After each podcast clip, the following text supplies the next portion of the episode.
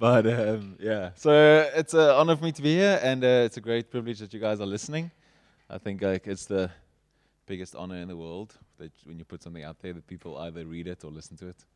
It's pretty cool. So um, this morning, who was here this morning? Was there a couple of people? Oh my word! Like, nou moet regtig iets anders. so this morning I started talking on um, what Jesus smells like, and uh, which is an interesting question for me. So you're welcome to ask questions and just talk along, seeing that we're in such a nice little informal setup. Um, so which is an interesting question for me because it's something that I never that I never kind of thought of, hence the book and everything. But that there's like very definite smells that you find in Jesus' life that he he doesn't smell like this morning we told said to one another you know he doesn't smell like roses. He smells like sweat and dust and blood and uh, perfume and myrrh and there's all these smells around him. And one of the smells that we find in yeah? Wat? O sorry. Dit klink beter okay. So Okay. Beter. Kan die ou mense net voorkom sit dat hulle kan hoor?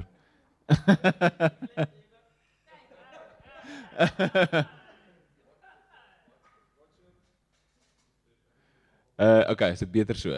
Jy my nou hoor? Okay. Reg. Ek is altyd gewoond aan die handheld nie. Ek nie my mic skills is nie so great nie. so in uh, yeah, anyway, English again. So um, there's a lot of smells in Jesus' life that I think are important and cool and tells us a lot about him. And one of the smells that I think are important is Jesus ate a lot. Um, Jesus, one of my friends says always like Jesus' ministry was eating good food with bad people. So he spent a lot of time around tables and eating and drinking. So um, eating and drinking in ancient times are obviously very, very powerful symbols, as eating and drinking always are. So in ancient times, were even more powerful symbols. So eating, most people in ancient times were hungry, most of the time. 90%, 95% of people lived like kind of below the breadline. And if you read the ancient poets, there are many, many poems that are about hunger. About how uh, the one poet says, all he can remember of his whole life is that he was hungry and uh, people didn't eat very much. So um, they ate maybe once or twice a day. They'll eat in the morning, and then they'll eat in the evening again. They didn't have really like a lunch. So, and the main thing that they ate was like a kind of a, a barley kind of grain that they mushed up and cooked, um, like pap. Ek weet mense in die Kaap het nie. Yeah, like a it was oats, like a like a like a kind of mush. So that's what most people ate most of the time. And then sometimes they ate vegetables if it was in season or they could find it. And then they hardly ever had any meat. So you would only eat meat at a wedding or a big feast, or if you go to the Passover or something, you'll have meat. But most of the time, you didn't have meat. So you'll be eating like basically this kind of porridge thing your entire life, if you had it. And most of the time, people didn't. So it's no wonder then that God's kingdom and God's promises and everything is linked with food all the time. So when things are going really great, it's like being in God's kingdom. When you can eat and your stomach's full, it's like being in God's kingdom. And in Isaiah, is one of the great texts which I love, in Isaiah 25, there 6, it says, On this mountain the Lord Almighty will prepare a feast of rich food for all peoples, a banquet of aged wine the best of meats and the finest of wines. And it says, On this mountain he will destroy the shroud that enfolds all peoples, the sheet that covers all nations. He will swallow up death forever. And uh, when, uh, so wine also became the symbol of God's covenant. That wine, when, when, when Israel was in favor with God, there was a lot of wine. So in Amos like 9, it says that uh, when God is pleased with Israel, there would be so much wine that it would be dripping from the hills, which is kind of the place where you want to be. That wine would be flowing from the hills. I think that's of cool. And um, so, wine in ancient times was lots of people drank wine. Everybody drank wine, from little ones all the way through. wine was safer to drink than water. The water was a bit nasty, not always so great because it was desert. So they used to have big cisterns that were dug out in the cities or underneath houses, and they would collect the rainwater. And if you leave rainwater standing for a while, what happens to it? It becomes like rancid. It becomes like nasty. So drinking it would be dangerous. So people rather drank wine. And uh, I think it's in the 11th century that the Pope said he's going to limit the amount of alcohol intake now to two liters per day for women and children. right? So, which is like, that's like a six pack, like almost more than a six pack of beer a day, because people drank beer and wine, even in Jesus' time, beer and wine. So, because it was safer and easier. And to be honest, you're hungry most of the time, and life is terrible and confusing and difficult, and drinking is, you know, probably like not such a bad idea then. so, um, wine is a massive symbol in in in throughout like throughout Scripture, and um, it's a sign of God's of God's blessing and of God's covenant. And um, in uh, let me just read you. I want to read you that psalm. In Psalm 104, it's one of the psalms that talk about wine, which is kind of cool.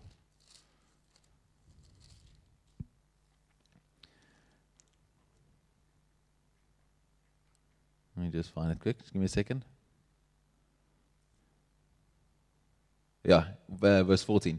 He makes grass grow for the cattle, speaking about God, obviously. He makes grass grow for the cattle and plants for man to cultivate, bringing forth food from the earth, wine that gladdens the heart of man, and oil to make his, fo- his face shine, and bread that sustains his heart.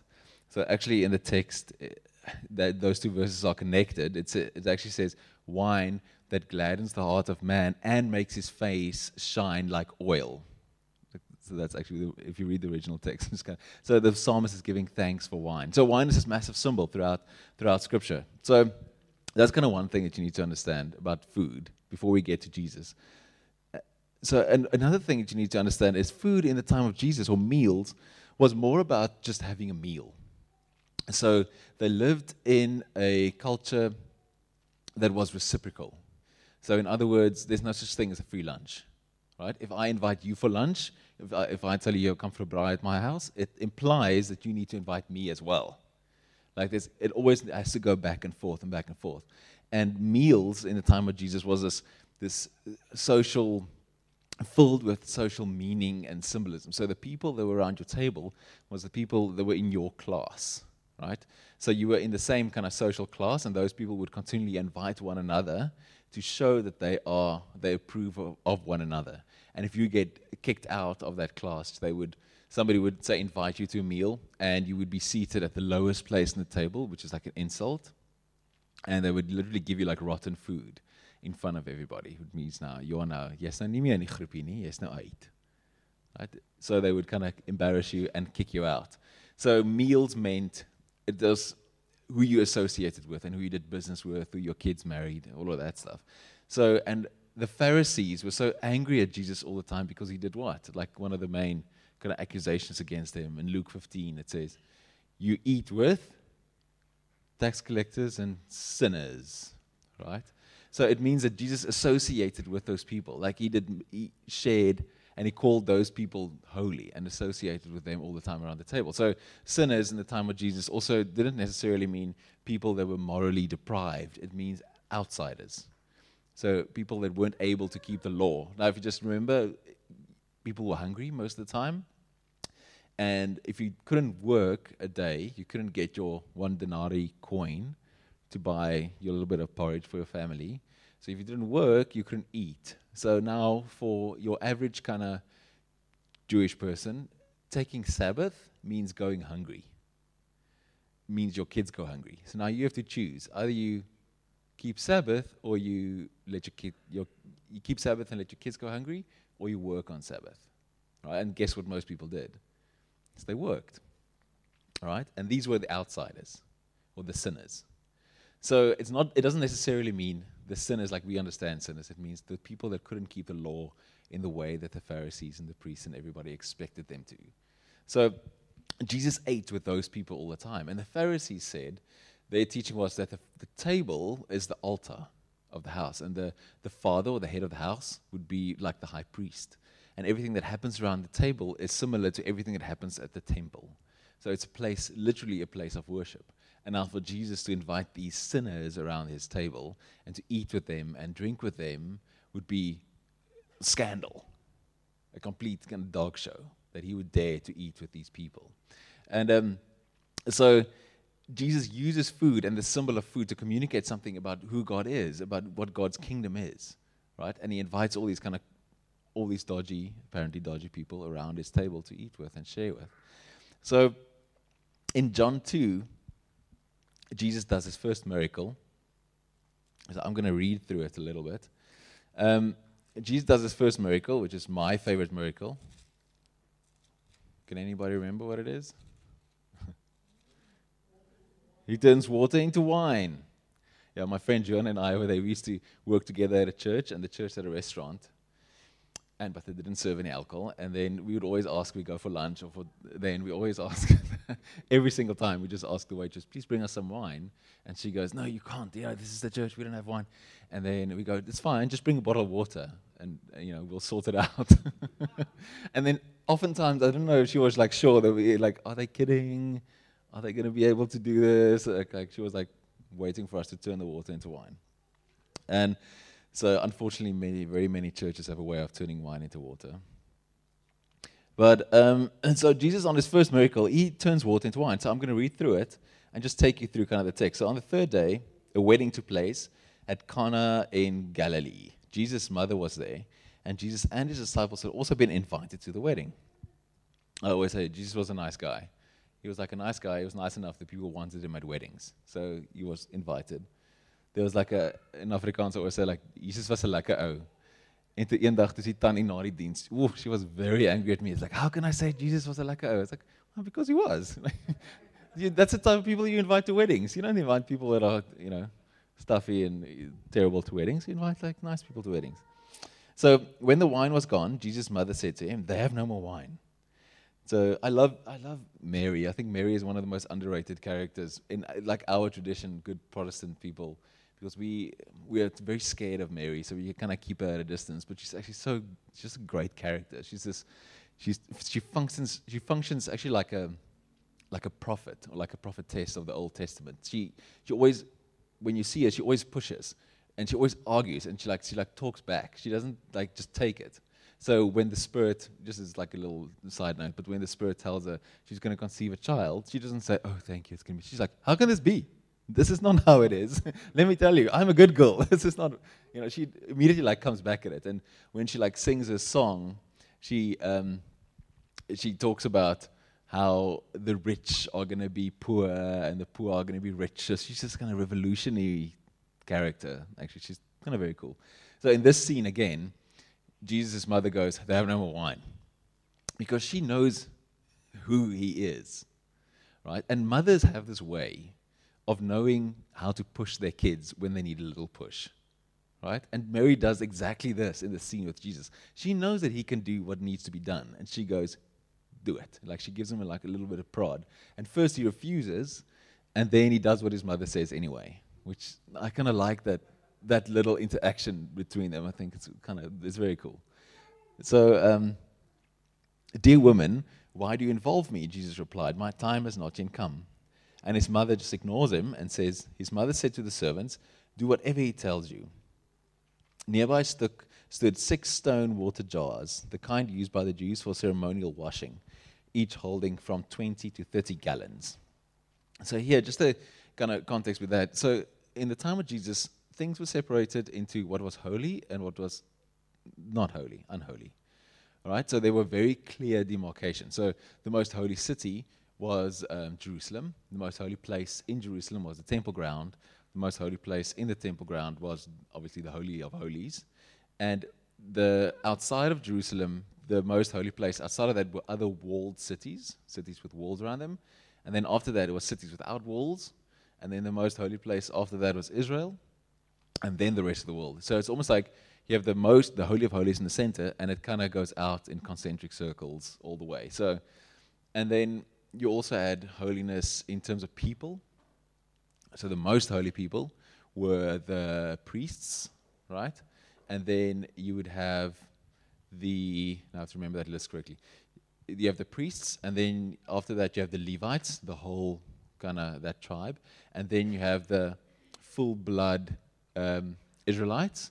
And then you have the um, illegitimate children of priests. And I was like, I wonder who, who like who set up this list. Then you have the, the illegitimate children of priests.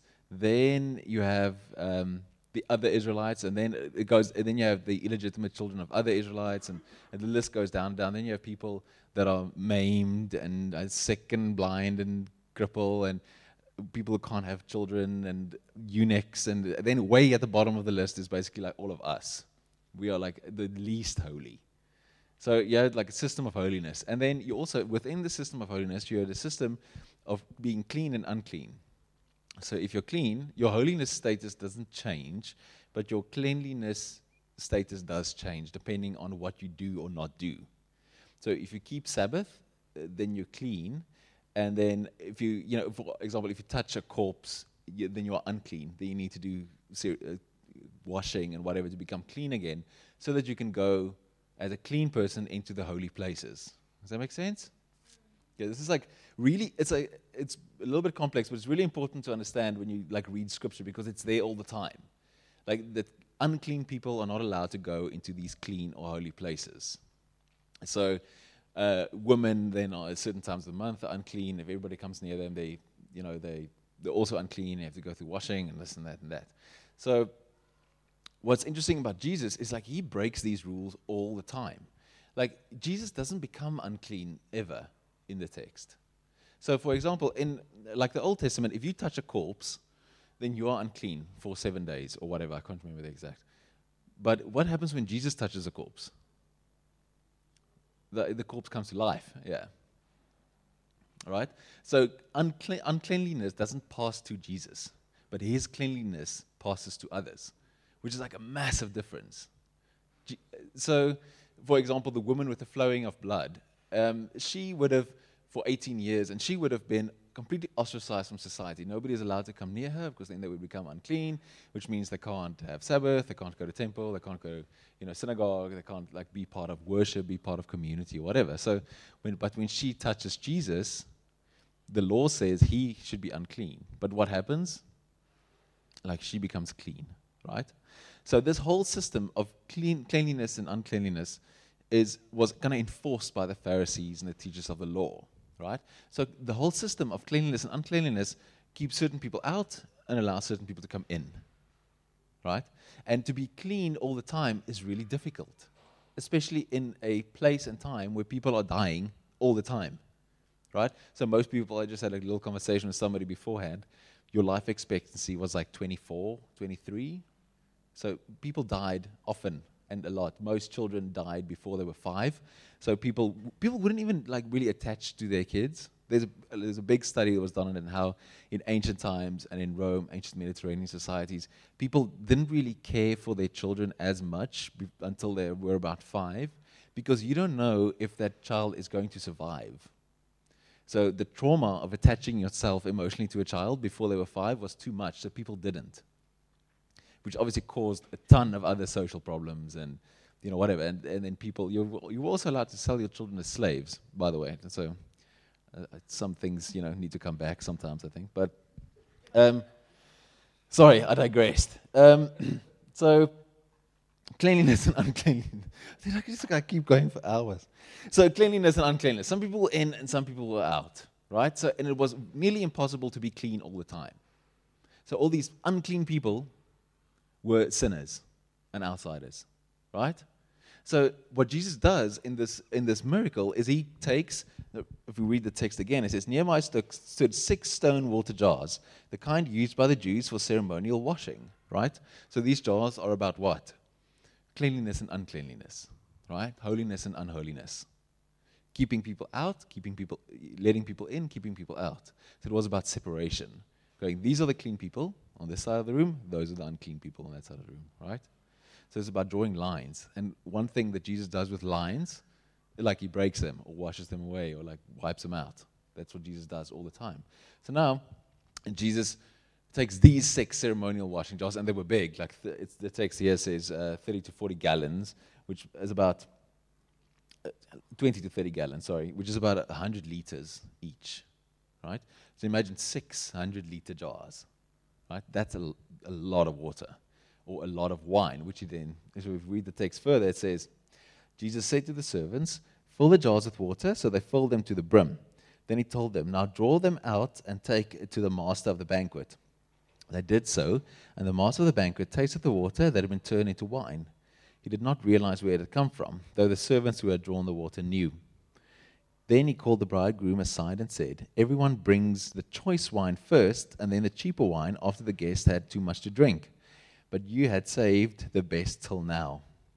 This is the first miraculous sign Jesus performed at Cana in Galilee. He thus revealed his glory, and his disciples put their faith in him. So here's the thing in the, in the first century, a wedding lasted for seven days. Right?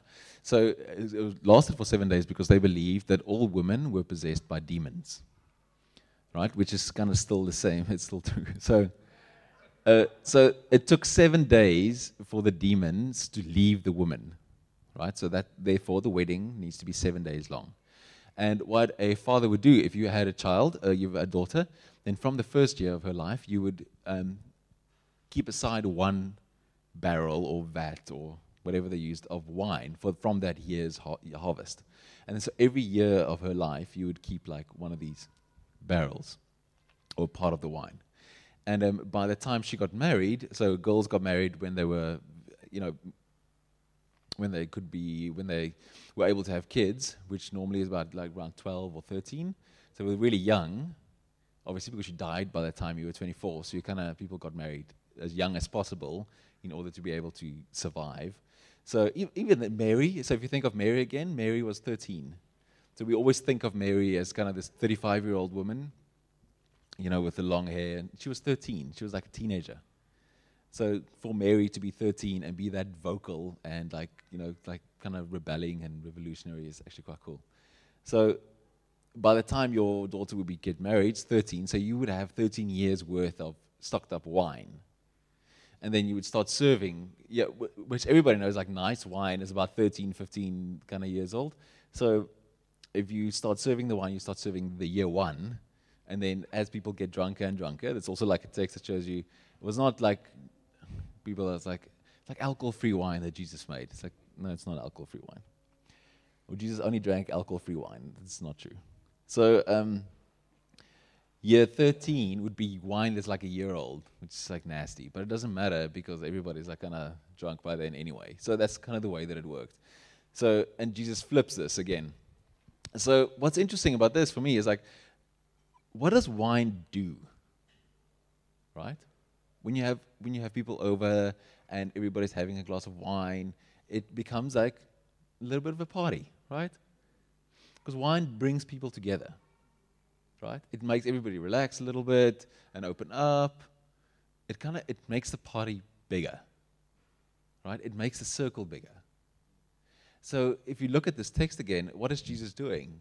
Like he uses the, those jars, which are which are which are about what? separation, right? And he turns it into wine, which and wine is about inclusion. And then it says at the end of the text, he thus revealed his glory. So, and this is what this is who God is.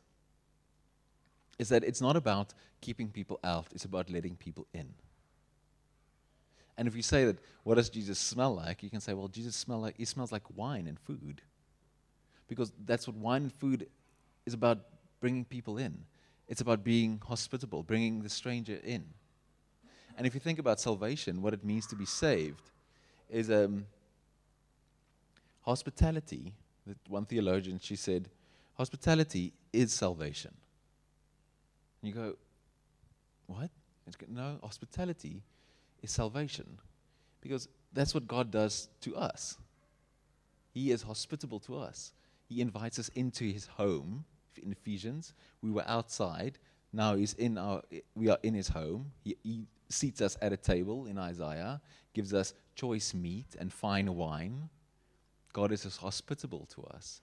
So whenever the church is hospitable, that is, if you want a picture of what salvation is, it is people around a table eating and drinking wine. That's what salvation is. That's what heaven is like. The kingdom of God is like a banquet where everybody belongs and everybody is allowed in. And that's what it is. And what's so sad is so often that our churches or our Christian communities or whatever are the exact opposite. And we go, Have you washed your hands? You know? Are you clean enough to be at this table? Are you allowed to be here? Do you believe the right things exactly in the way that we believe them before you're allowed to sit here?